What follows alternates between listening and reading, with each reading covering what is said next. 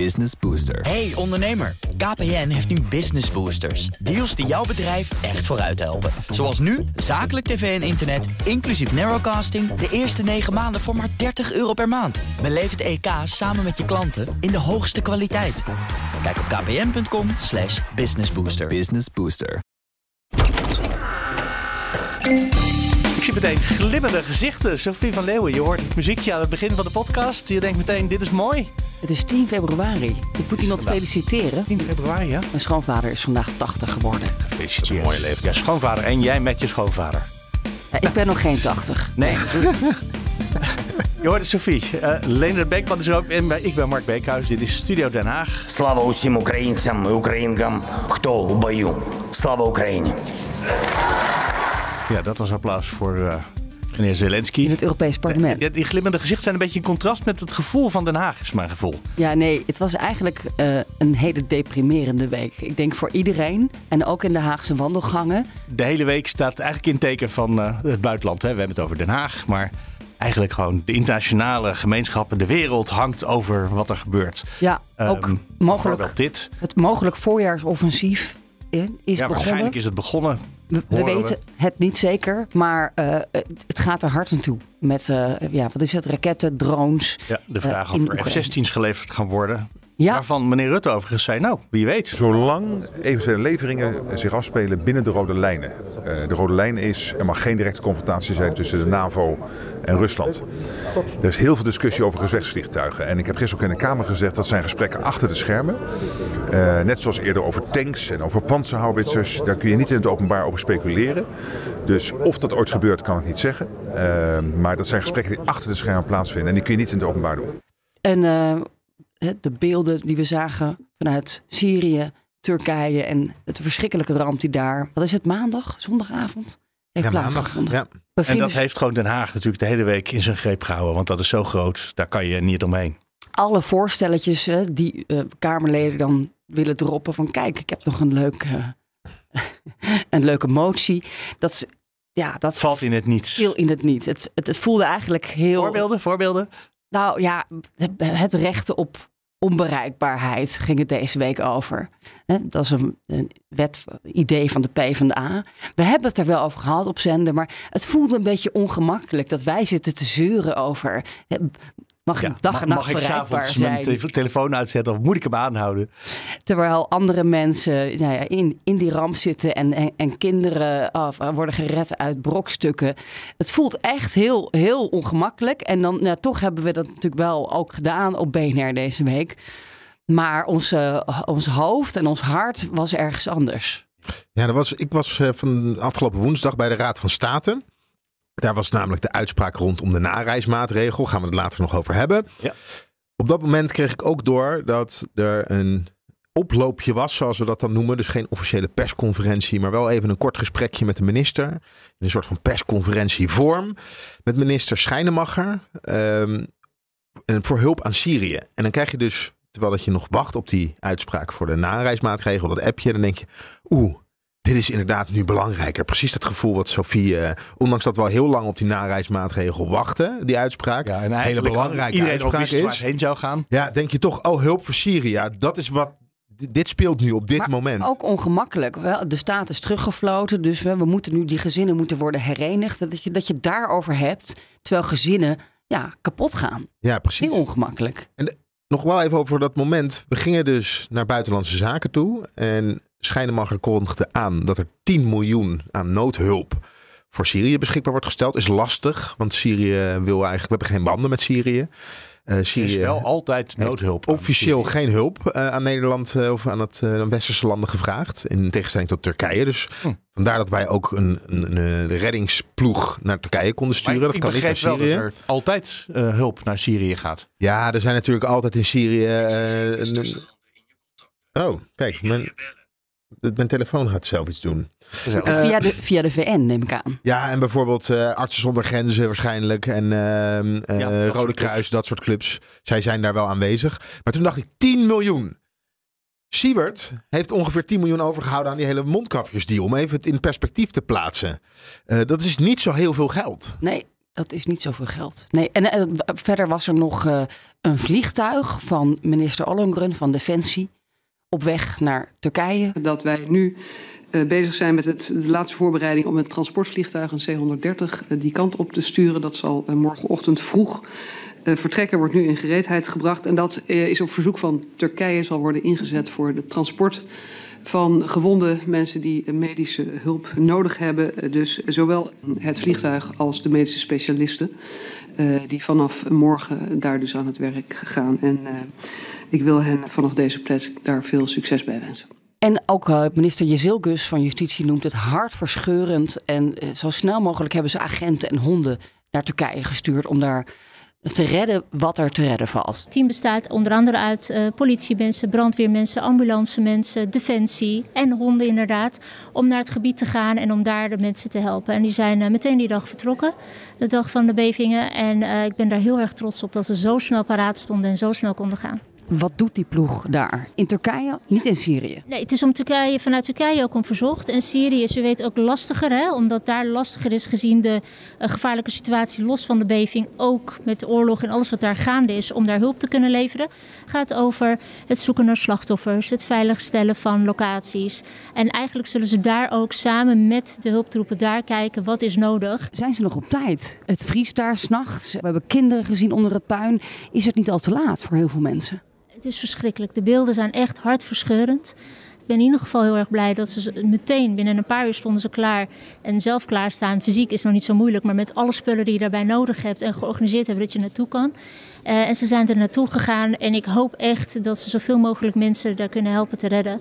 Uh, dat, is, dat is gewoon het doel. En ja, elk, elk uur dat ze daar zijn is denk ik uh, uh, waardevol. Eigenlijk speelt dit zich allemaal af. Ja, we hebben het over Den Haag, maar dit speelt zich allemaal op zijn minst op het niveau van Europa af. Er was ja. ook een heel debat over toevallig van de week. Ja, nou, toevallig. toevallig. Dat is dus, wij, wij mogen nog iets van inspraak hebben op de laatste avonddag voor de EU-top.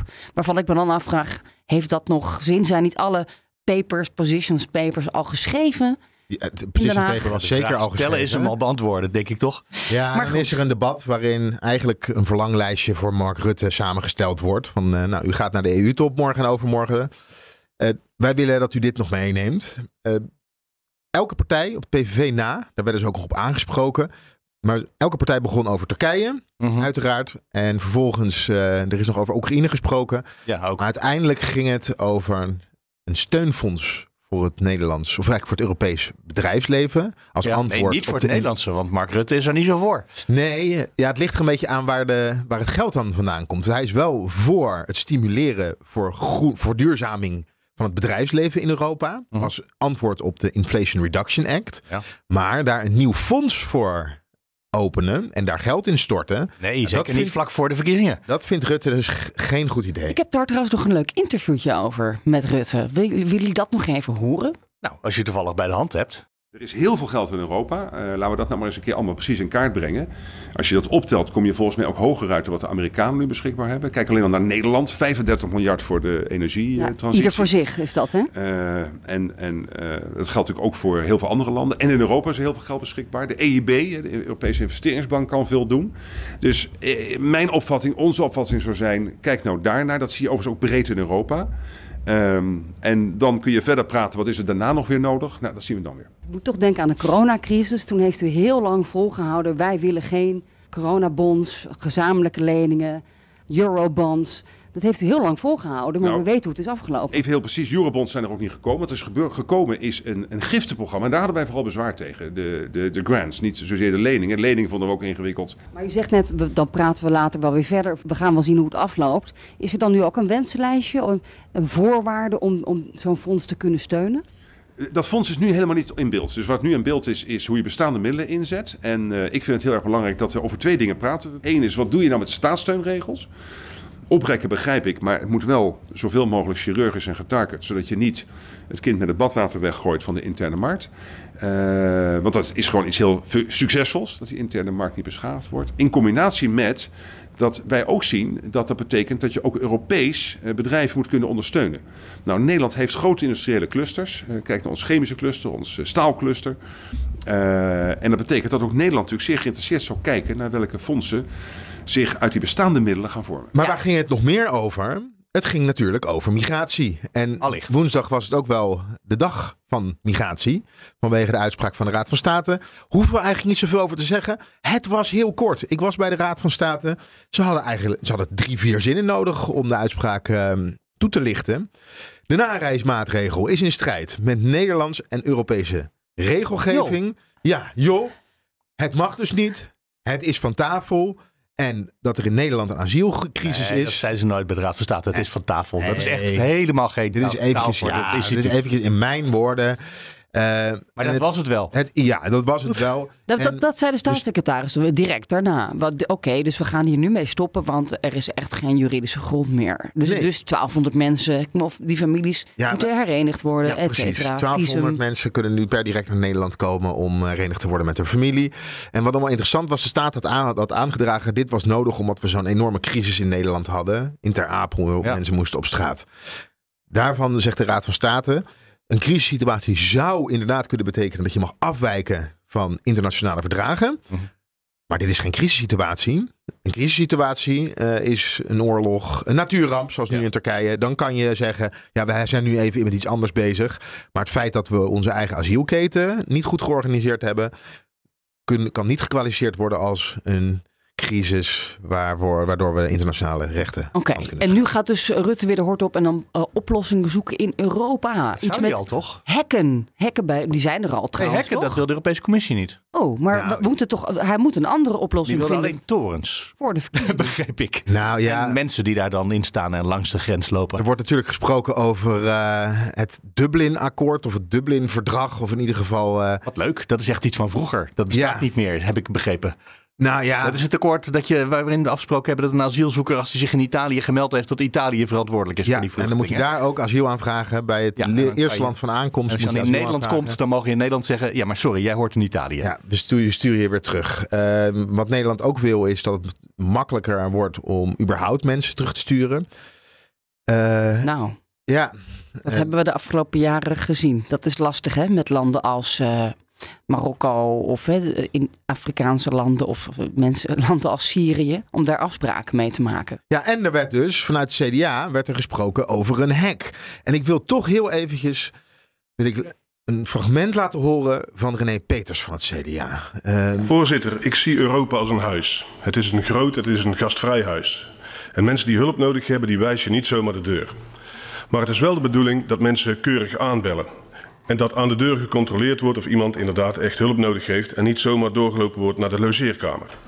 Laat staan dat mensen via de achterdeur of het raam naar binnen komen. ja, stop hem maar, Mark. Stop hem maar. Is het erg? Kan je ja, dit niet aan? Oh, nee. Want duurt nog zeker 20 seconden als je Ja, graag wil. oh mijn god. Europa. Ga nog even door. Ga nog even door. In Europa zou het Een ook diepe zo zucht ook aan het begin. Ja. Binnen door de voordeur of niet binnen. Met andere woorden, de grenzen dicht en de deur een beetje open. Maar de grenzen zijn niet dicht en aan de deur wordt niet goed gecontroleerd. En hoewel het CDA heel goed begrijpt dat asielzoekers precies zijn zoals wij zelf en niemand hen iets kwalijk kan nemen, is dat geen situatie die wij lang vol kunnen houden.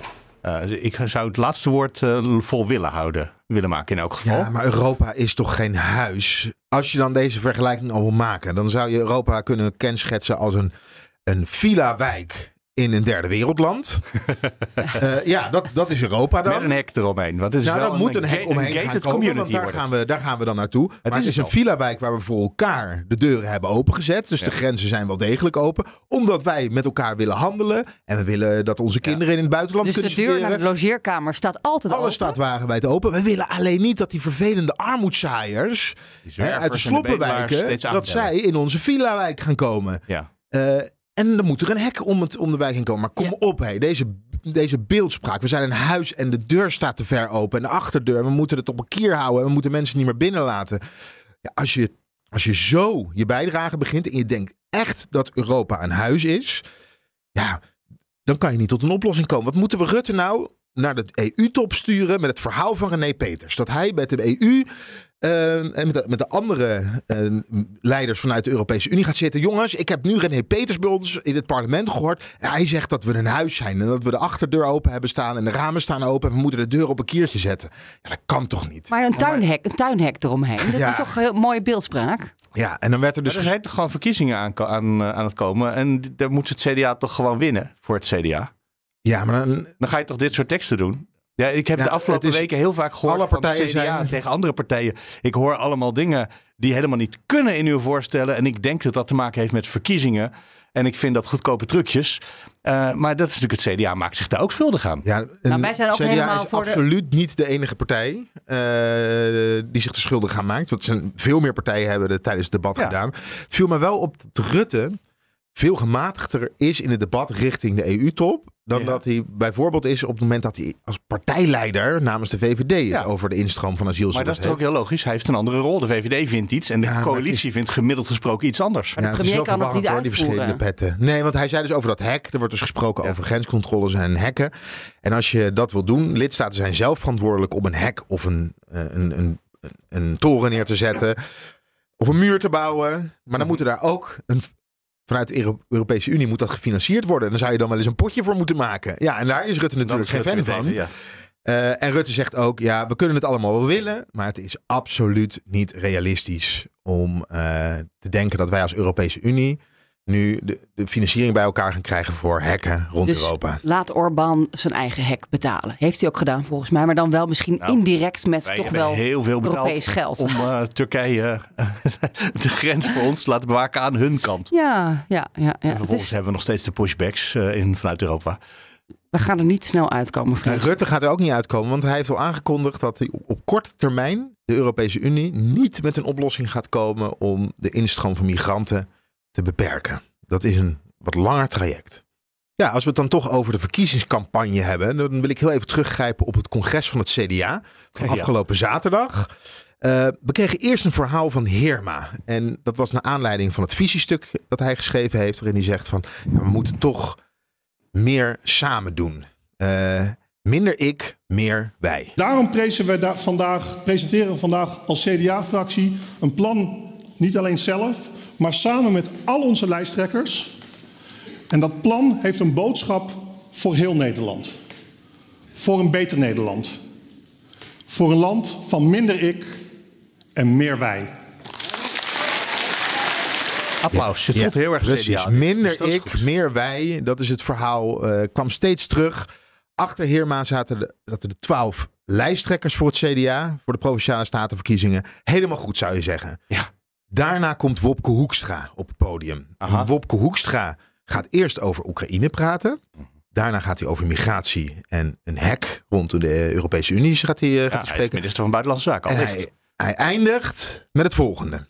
En beste CDA-vrienden, met alles wat er speelt en wat er aan de hand is in Nederland en in de wereld, is dit het moment om een stap verder te zetten.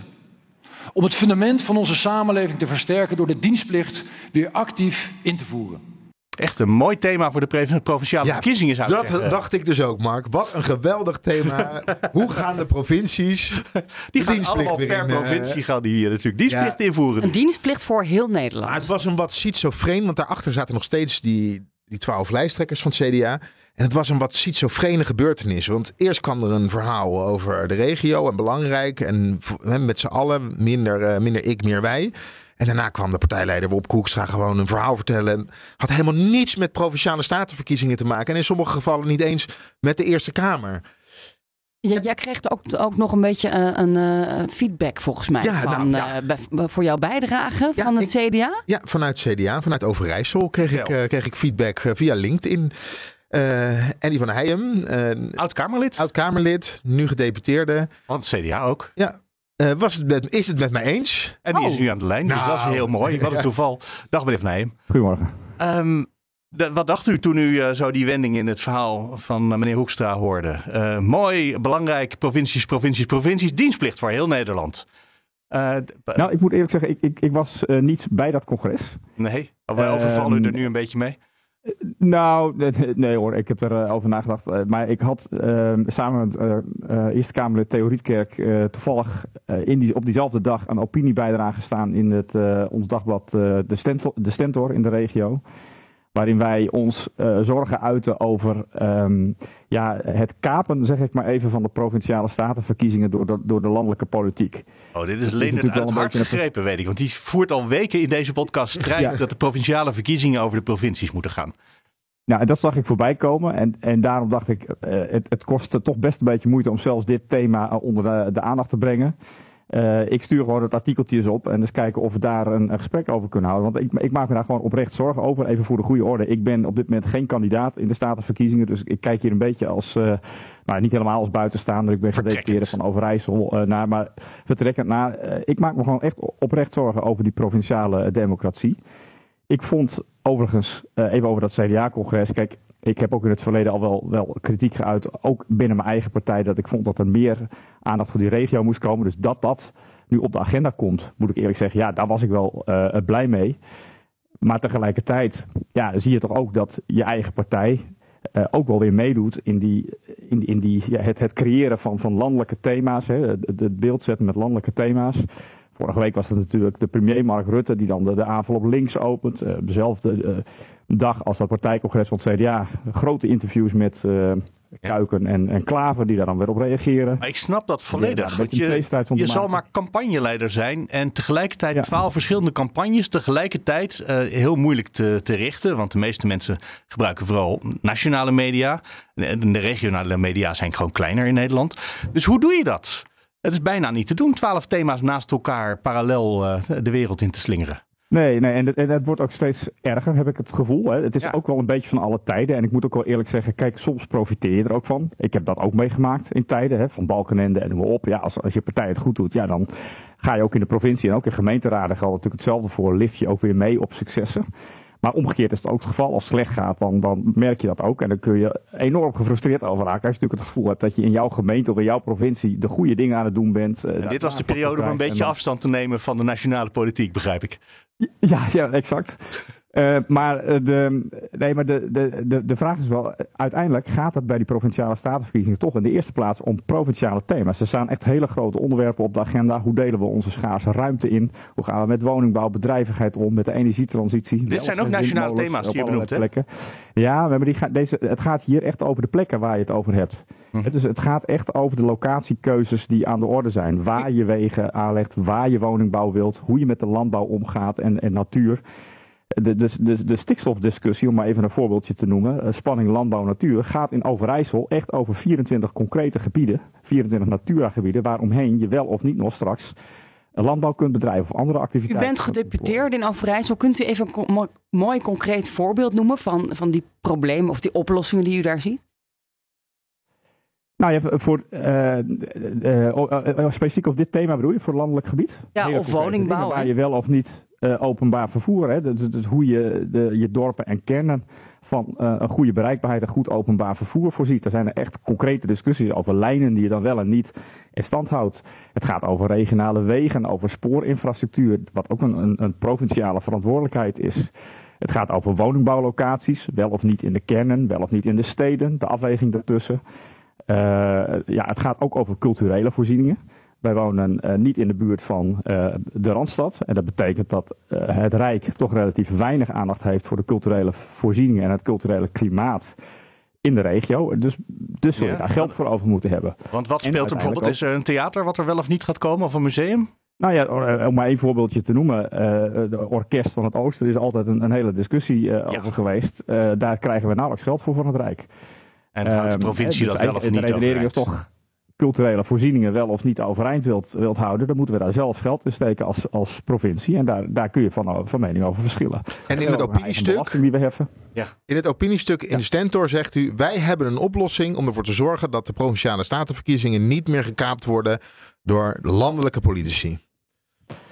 Ja, dat, eh, althans, we hopen daarmee een, een bijdrage aan te leveren. Want de ultieme oplossing bestaat, vrees ik ook hier niet. Kijk, het zal ook altijd gaan over politieke partijen die zelf uh, op de bres moeten springen, of in de bres moet je zeggen, voor, met, met goede kandidaten en goede plannen en ook regionale verschil moeten maken. Hè. Dus er blijft natuurlijk wel een primaire verantwoordelijkheid van partijen zelf. Maar wij denken dat als je, en wij bedoel ik dan even Theorietkerk en ik, die een stuk hebben gemaakt, dat als je de provinciale staatsverkiezingen uit elkaar trekt, spreidt in de tijd, net zoals bijvoorbeeld de deelstaatsverkiezingen in Duitsland, dat je iets meer focus krijgt, ook misschien in landelijke media, op wat nou er specifiek aan de orde is in de provincie waar op dat moment de verkiezingen aan de orde zijn. Dat zou je eventueel nog kunnen combineren. Anders moet je, heb je twaalf verschillende data. Maar je zou bijvoorbeeld verspreid over die vier jaar gemiddeld drie verkiezingen per jaar kunnen organiseren. In verschillende delen van het land. Eh, Dat is overigens helemaal eh, niks geks. Hè? Je hebt dat nu ook bij gemeenteraadsverkiezingen af en toe al bij herindelingen bijvoorbeeld. Dat je tussentijds eh, gemeenteraadsverkiezingen hebt. Ehm, en hier zou je dan op een iets gestructureerdere manier gewoon ja, de politieke debat, het politieke inhoudelijke debat over wat er in een provincie aan de orde is, in de tijd wat meer spreiden. Dus dan doen we in januari doen we Zuid-Holland en in juni doen we Brabant en in november komt dan Drenthe aan de beurt of zoiets. Ja, exact. En Of je zou. maak je het dan niet veel erger? alternatief- Nu hebben we één keer dat, eh, dat, dat de vraag is: houdt de, de Tweede Kamer zijn meerderheid ook in de Eerste Kamer? Of houdt de regering in de Eerste Kamer ook zijn meerderheid? Krijg je dan niet drie keer in, de, in het jaar de vraag: ja, maar als nu Drenthe, als daar de verkiezingen die kant uitvallen.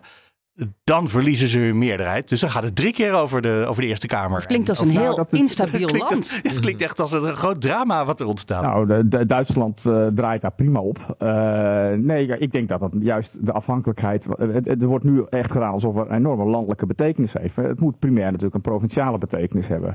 ook. En ja, waarom primair? Want de Eerste Kamer is toch ook belangrijk?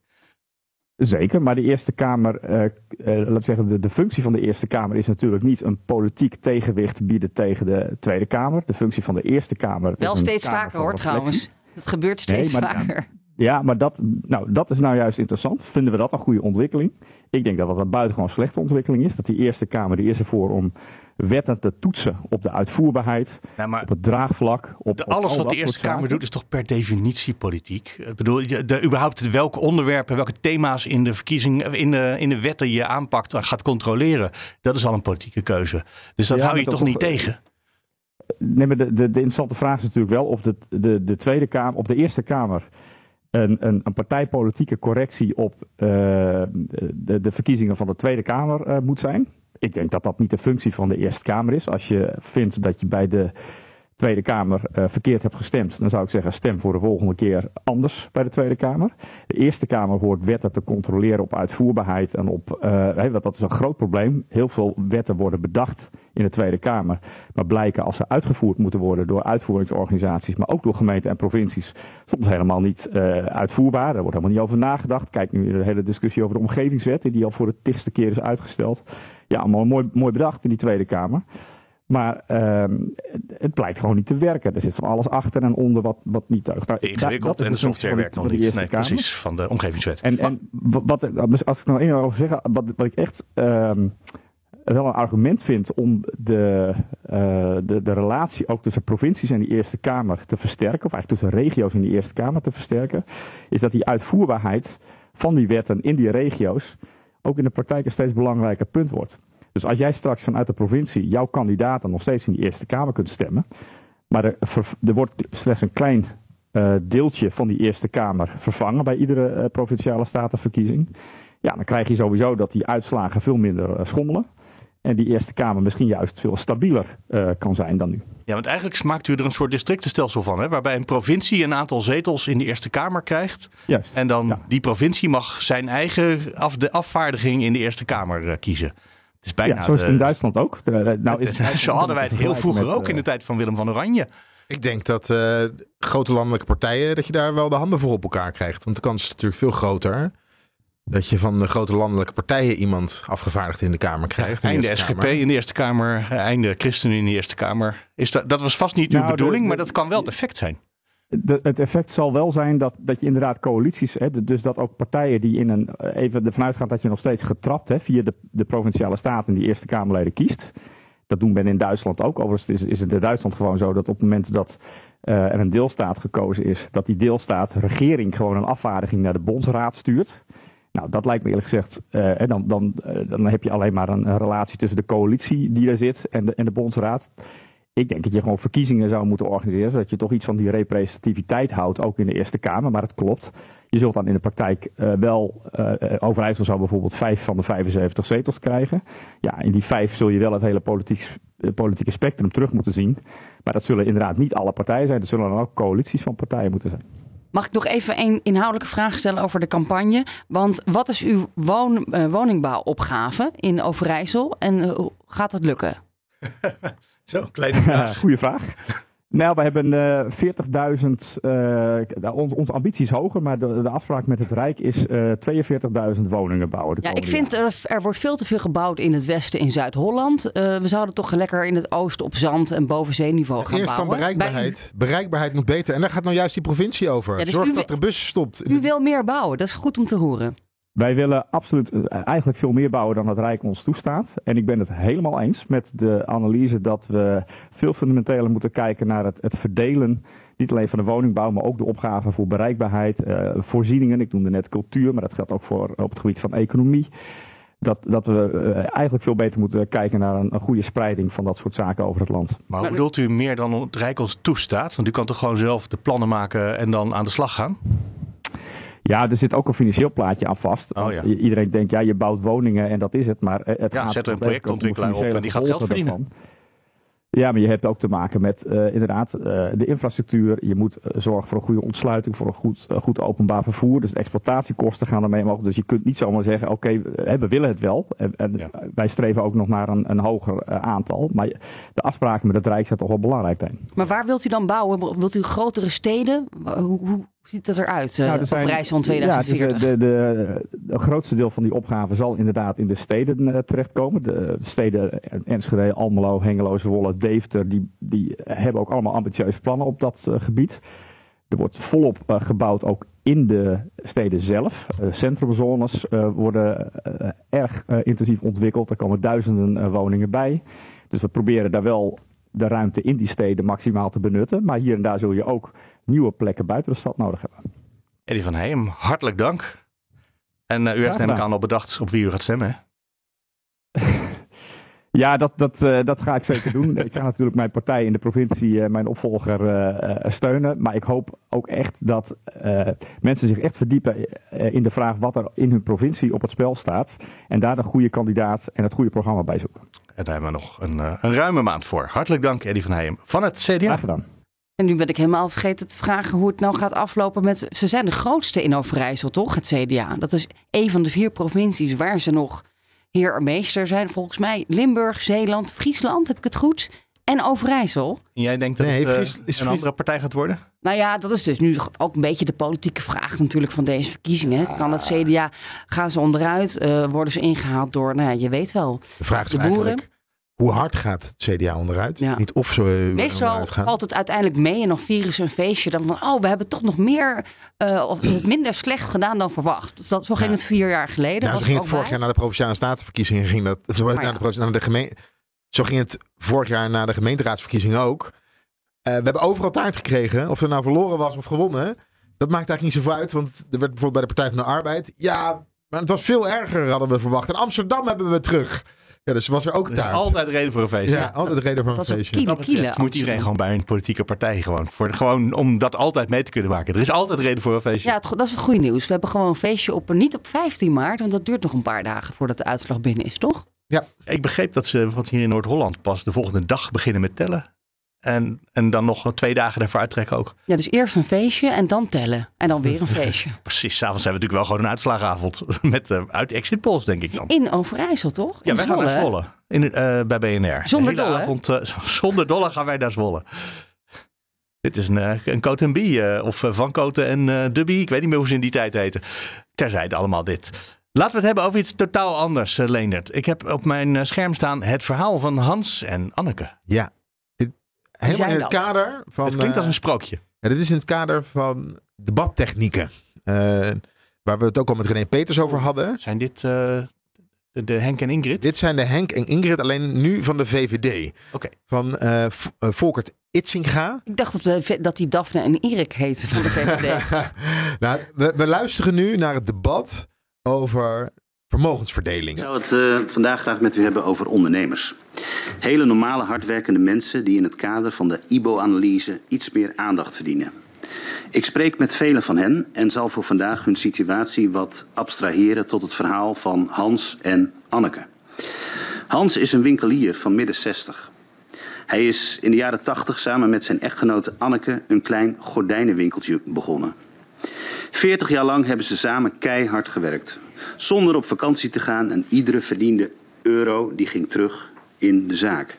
En wat er dan eventueel nog overbleef, werd apart gezet. Buffers voor moeilijke tijden. Of bij gebrek aan een pensioenregeling zelf sparen voor later. Eerst werd een kleine winkelruimte gehuurd en later konden ze het zich veroorloven om iets groters te kopen. En daar zitten ze nog steeds. Oh, ik zie een traan bij Sophie. Ja, ik zat bij ik, ik word hier bijna emotioneel van. Ja, ik zat ook met tranen in mijn ogen te jij luisteren. zat van het lachen. En met een beetje Nee, nee, ik zat hier naar te luisteren en ik dacht, we hebben dit nu toch wel gehad. Hè? De, de Henk en Ingrid 300.000 verhalen. De, het voorlezen van mailtjes. Met een heel zielig verhaal dat dan Ja. representatief zou moeten zijn voor de hele groep. Het verhaal Is maar en het duurt maar. Het loopt nog steeds Het gaat nog steeds door. Het is niet representatief voor de hele groep. Het gaat over vermogensverdeling. 30 Het gaat over de grote vermogens in Nederland. 10, En hoe ga je in de 20.000 toekomst er, hè, ervoor zorgen Ja, dat zij zal dit wat meer belasting gaan betalen, zodat dat recht getrokken wordt. Want de meest vermogenden betalen nu hebben een veel lagere vermogens, eh, of belastingdruk dan de gewone werkende. Ja. Eh, en daar ging het debat over. En het debat ging helemaal niet over, eh, hoe heet ze, Anneke en, eh, en, en, Nee, en Hans. en, en Hans.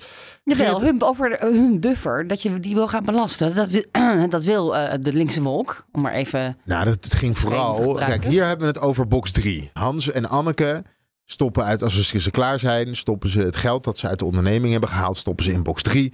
En dat moet belast gaan worden. Daar ging het eigenlijk, dat debat, voor het grootste deel helemaal niet over. Het ging allemaal over maatregelen in box 2, de pretbox. En hoe zorg je er nou voor dat daar niet structureel belasting ontweken wordt? Daar ging het eigenlijk over. Dan noem je de baby-BV's, eh, de hè, misbruik maken van de BOR. Eh, en het verhaal van de kleine ondernemer wiens pensioen opgegeten wordt in de loop der tijd in box 3. Door de overheid. Daar zijn alle partijen het er wel over eens dat dat niet op die manier moet gebeuren. Maar dan gaat de VVD het zo'n klein maken. Dit is ook verkiezingsretoriek.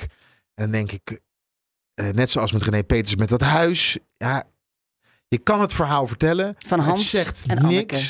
Hans en Anneke zeggen niks over de problematiek.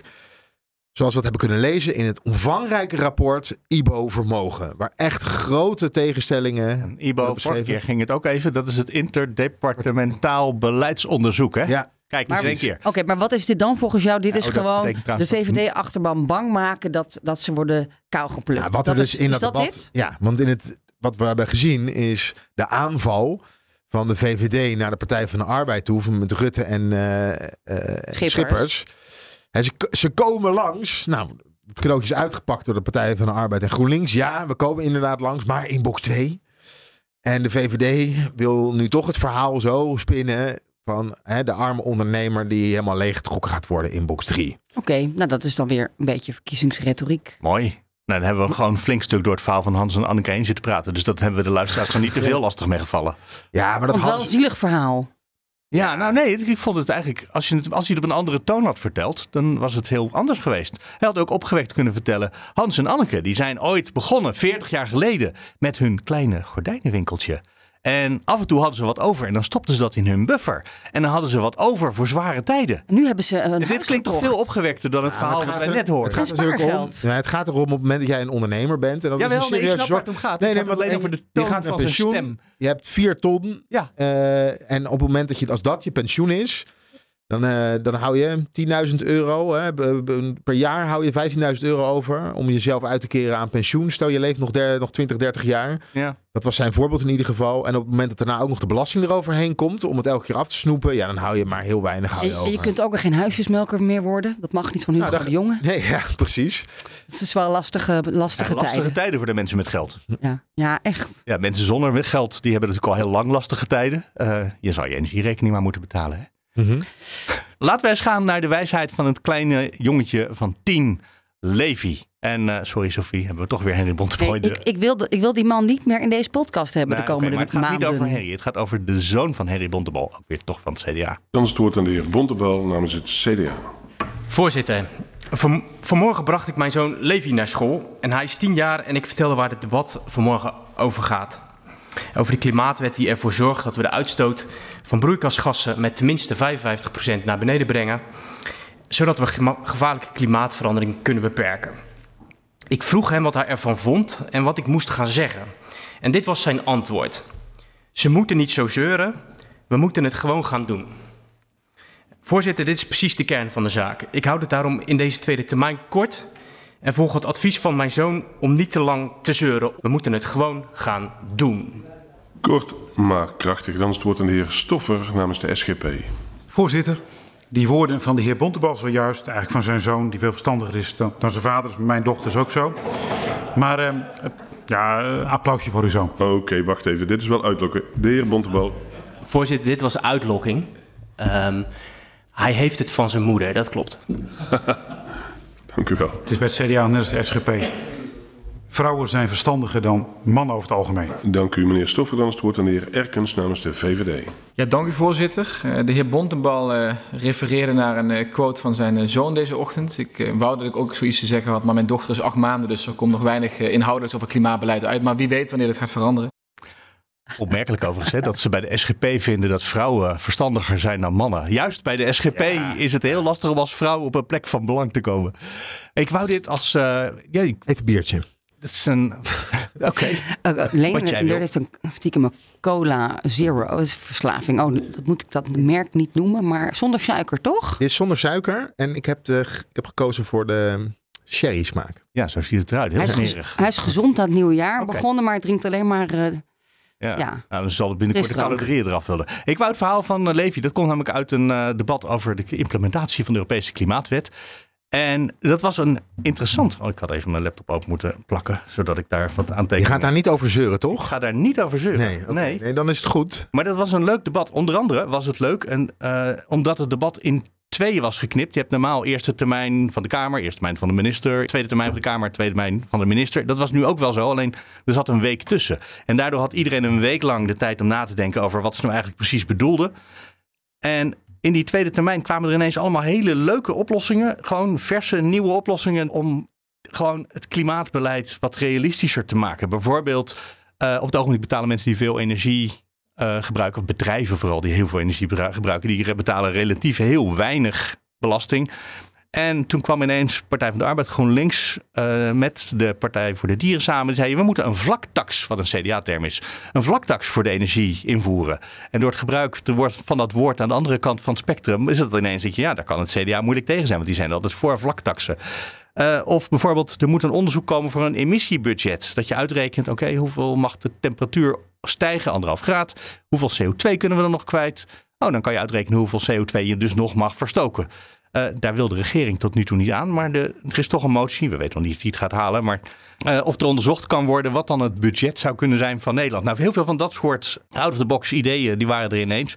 Onder andere ook van D66, wat ik een goed idee vind. Zeg, als je nou een groot project begint of een nieuwe wet, waarbij je weet dat je heel veel CO2 gaat uitstoten of andere broeikasgassen, dan moet je net zo goed als je nu geld extra gaat uitgeven, dan moet je financiële dekking zoeken. En voor zo'n groot project moet je dan voortaan een klimaatdekking zoeken. Zeg, oké, okay, als we dit gaan doen, waar gaan we dan minder CO2 uitstoten of minder methaan? En toen kwam er ineens eens de SGP en die zit, staat heel anders in de wedstrijd. Uh, tussen al die verstandige vrouwen zitten ook mannen. Dat was meneer Stoffer. En die zei, ja, waar eigenlijk het grootste probleem is de Urgenda-rechtszaak. Dat zei hij niet zo, maar ik ga jullie even de motie die hij voorlas laten luisteren. En dan moet u daarna maar even zeggen wat hij voorgesteld heeft. Een motie waar ik lang over nagedacht heb. De Kamer gooit de beraadslaging overwegen dat het ondernemen van juridische acties door belangenorganisaties op grond van artikel 3 305a van het burgerlijk wetboek mogelijk is vanuit specifieke belangen met grote consequenties voor algemeen belang, terwijl de representativiteit van deze organisaties buitengewoon gering kan zijn, overwegen dat voor het vereisten van de representativiteit van de belangenclub het van belang is dat een financiële bijdrage wordt gevraagd van de personen tot bescherming van wie belangen de rechtsvordering strekt. Constaterende dat er onder de huidige regeling geen indringende toets op de representativiteit door de rechter lijkt te worden toegepast, constateren dat belangenorganisaties die rechtszaken tegen de staat aanspannen op grond van artikel 3 305a van het burgerlijk wetboek overwegend door anderen dan de direct belanghebbenden mogelijk zelfs met subsidie kunnen worden gefinancierd, verzoekt de regering te onderzoeken op welke wijze een indringende toets op de representativiteit van belangenorganisaties binnen het huidige artikel 3 305a van het burgerlijk wetboek gerealiseerd kan worden en gaat over tot de orde van de dag. En deze dien ik in met mevrouw Van der Plas en de heer Eertmans. Nou, zeg het maar. Wat stelt de man in godsnaam voor? Ja, het is en in godsnaam is bij de SGP altijd een goed idee. Schrap in het ook. Ga kijken of je dus die, die belangenorganisaties uit het artikel kunt schrappen. Die mogen hebben dan niet het recht om zich daarmee te bemoeien of procedure aan te spannen. Ja, dat is wat hij zegt. Het was een hele ingewikkelde tekst. Ik geloof dat Maak erop zijn mond neerkomt. dood. Eigenlijk zegt hij organisaties die niet representatief zijn, waar hij verder niet van vertelt wat dat dan is. die mogen dit soort rechtszaken niet meer uh, voeren. Want ze krijgen namelijk gewoon gelijk. Ja, dus we willen niet mensen naar de rechter hebben die gelijk krijgen. Urgenda. Ja. Zoals Urgenda. Ja, want de ANWB zou het wel moeten kunnen. Uh, want de ANWB is groot genoeg. Nou, uh, ik hoorde dit en ik dacht, dit klinkt heel raar. Maar ik heb eigenlijk niet precies een idee waar het over gaat. Maar uh, mevrouw Kreuger van uh, GroenLinks, die hoorde het en die snapte meteen wat er gebeurde. Die sprong echt naar voren met uh, oprechte emotie. Je hebt er achteraf nog even met over gehad. Haar stem slaat ook af en toe een heel klein beetje over van emotie. Ik heb iets van drie minuten uit het debat geknipt, wat uiteindelijk twintig minuten duurde. Dus het is een beetje een samenvatting. Maar het liep echt best hoog op in dat debat. Een interruptie van mevrouw Kreuger. Ja, voorzitter. De heer Stoffer lijkt zo'n redelijk man, maar dit is echt een hele, hele heftige motie. Los van het feit dat de belangrijkste stappen die dit kabinet en de kabinetten daarvoor hebben gezet op klimaat voortgekomen zijn uit een rechtszaak, de Urgenda-rechtszaak. Dat is de enige reden waarom het vorige kabinet überhaupt een beetje in de benen is gekomen. Maar wat ik heftig vind aan deze motie is dat het suggereert dat iemand die een rechtszaak voert over klimaatverandering dat gaat om het algemeen belang. Dat gaat om het belang van toekomstige generatie. Dat zou het algemeen belang moeten zijn wat deze, dit kabinet zou moeten dienen. Dus deze motie suggereert dat opkomen voor klimaatverandering een specifiek individueel belang is. Stoffer. Voorzitter, ik mag geen vragen terugstellen. Maar als ik dat mocht, zou ik vragen hoeveel leden heeft Urgenda? De representativiteit zit hier in deze Kamer. Wij controleren het kabinet en niet clubs als Urgenda gesponsord en gesubsidieerd door de postcode loterij. Nee, wij moeten dat doen. En, niet dat soort, en dat is precies wat ik met deze motie wil, uit, um, wil, wil voorkomen. Dat niet dat soort dingen. Als er een club is die heel veel mensen representeert, de ANWB bijvoorbeeld, prima. Dan kan ik daarmee leven, voorzitter. Maar bij dit soort clubs, dit frustreert het. En het zorgt ervoor dat we als parlement en kabinet de dingen gaan doen die we juist niet moeten doen en die ook compleet niet helpen. En ook nog eens een keer voor de gewone mensen in het land totaal de verkeerde kant op gaan. We hebben de trias politica, we hebben de rechterlijke macht, die toetst en die heeft gesproken. En dan gaat het om de Urgenda-zaak, dan gaat het om de Shell-zaak, dan gaat het om de stikstofzaak.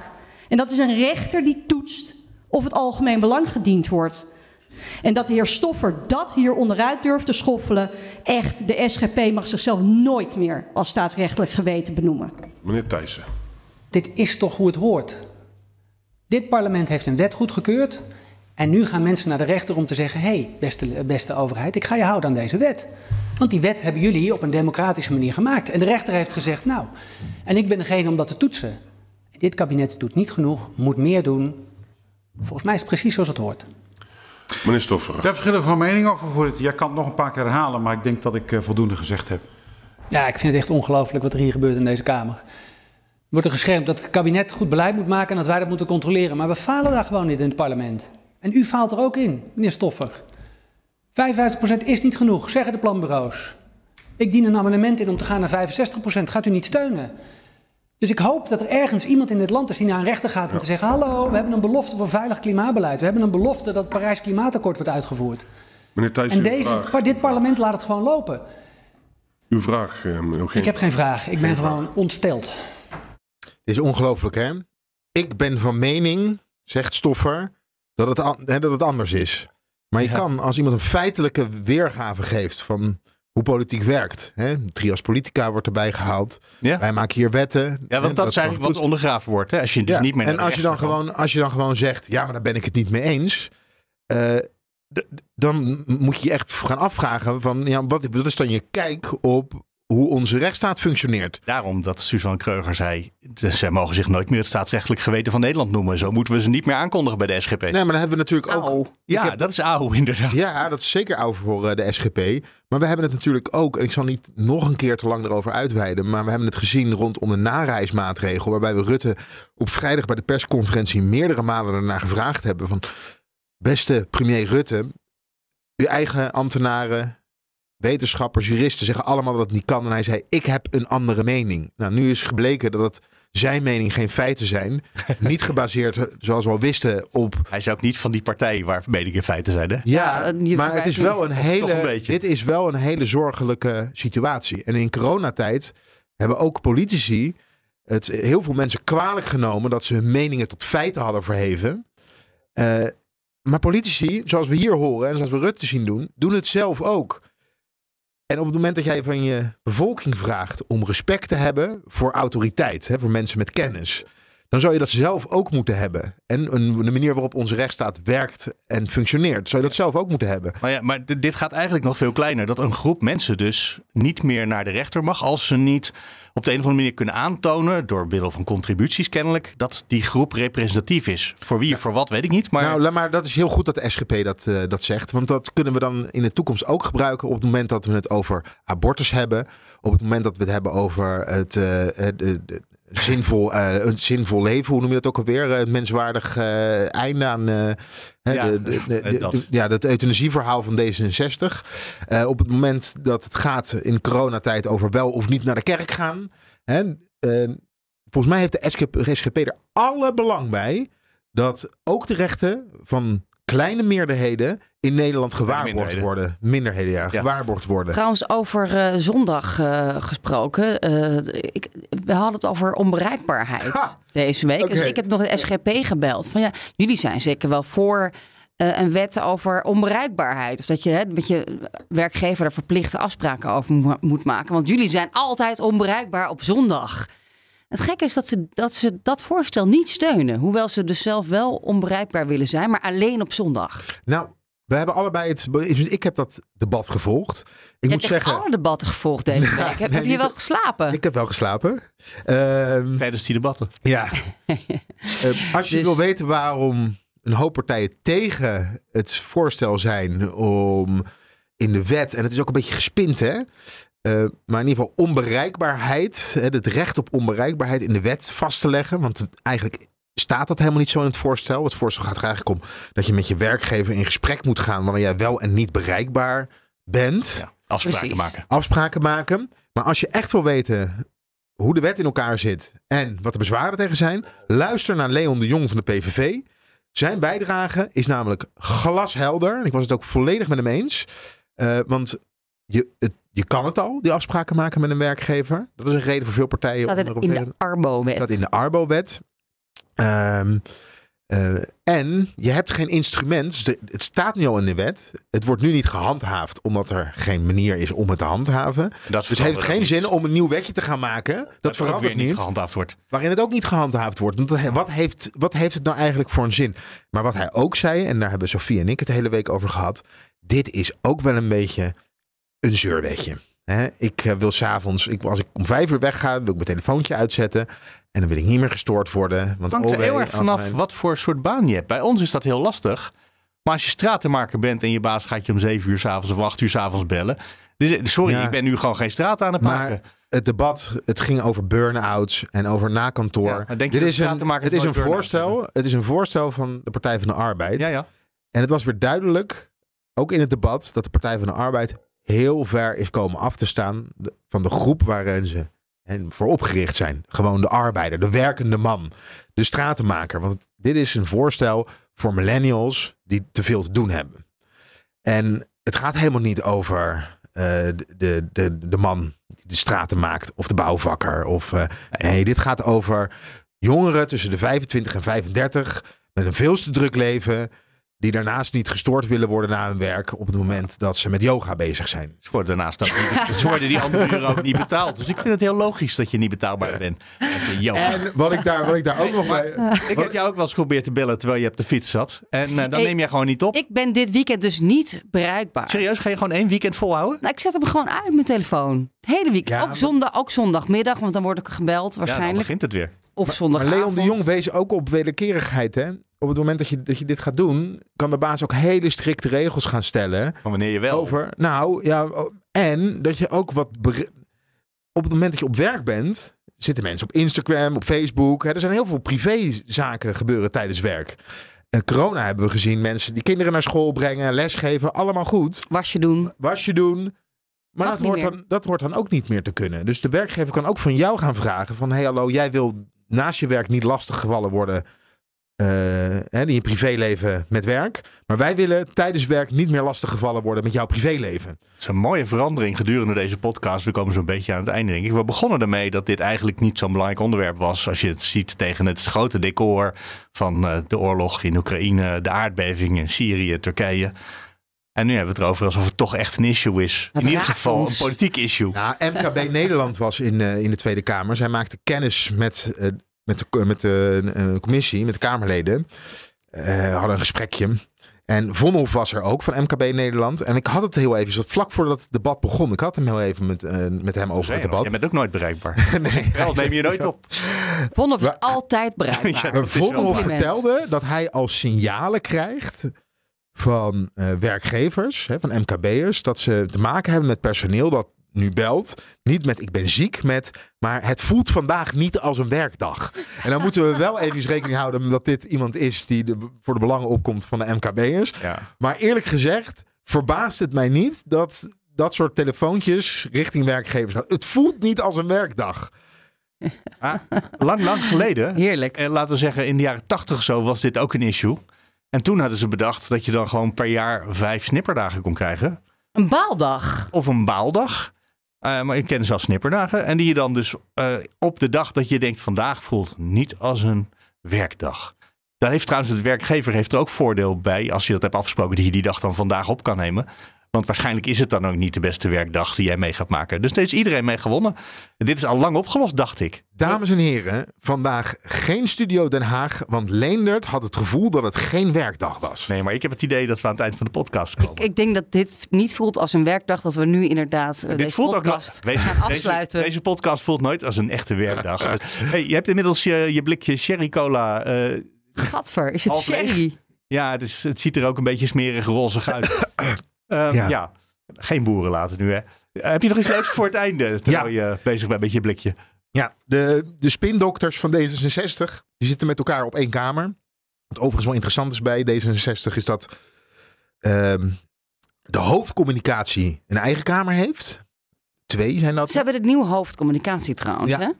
Maar de, de, de, de gewone eh, communicatiemedewerker, Zes eh, de eh, daar verwoordvoerder, zitten met elkaar op een kamer. Maar wat hebben ze nou op de kamer? Ze hebben allemaal prikborden hebben ze hangen. En daar hangen ze dan, op het moment dat, dat, er, eh, dat ze in het nieuws zijn gekomen, prikken ze daarop het artikeltje. Of wij hangen er ook bij. Of een, een print-out van de radio bijdrage. Dat klinkt een beetje gek, maar van een, eh, van een player waar dan ook de tekst bij staat van de radio bijdrage. En nou vroeg ik me dus af of ze daar een wedstrijdje aan het doen waren. Welke woordvoerder haalt nou het vaakst het nieuws? Het Oh meest, ja, maar tuurlijk. dat, Dat dat is hangen verschillende borden. Ze zeggen van niet. Maar ik geloof het eigenlijk niet. Want er hangen allemaal verschillende prikborden. Achter die woordvoerders. Ze zeggen van ja, het is oneerlijk. Want als het een paar weken heel erg over energie en gas gaat. Ja, dan hou je automatisch veel meer het nieuws. Maar volgens mij is er daar een kleine competitie. Ah, gaande. zullen we Ook daar Niet ook gewoon omdat ze van elkaar moeten weten wat die andere allemaal eh, in de media heeft laten weten. Zodat je, als daar vragen over komen, ook al ga je er niet over, dat, dat je dan toch op de hoogte bent.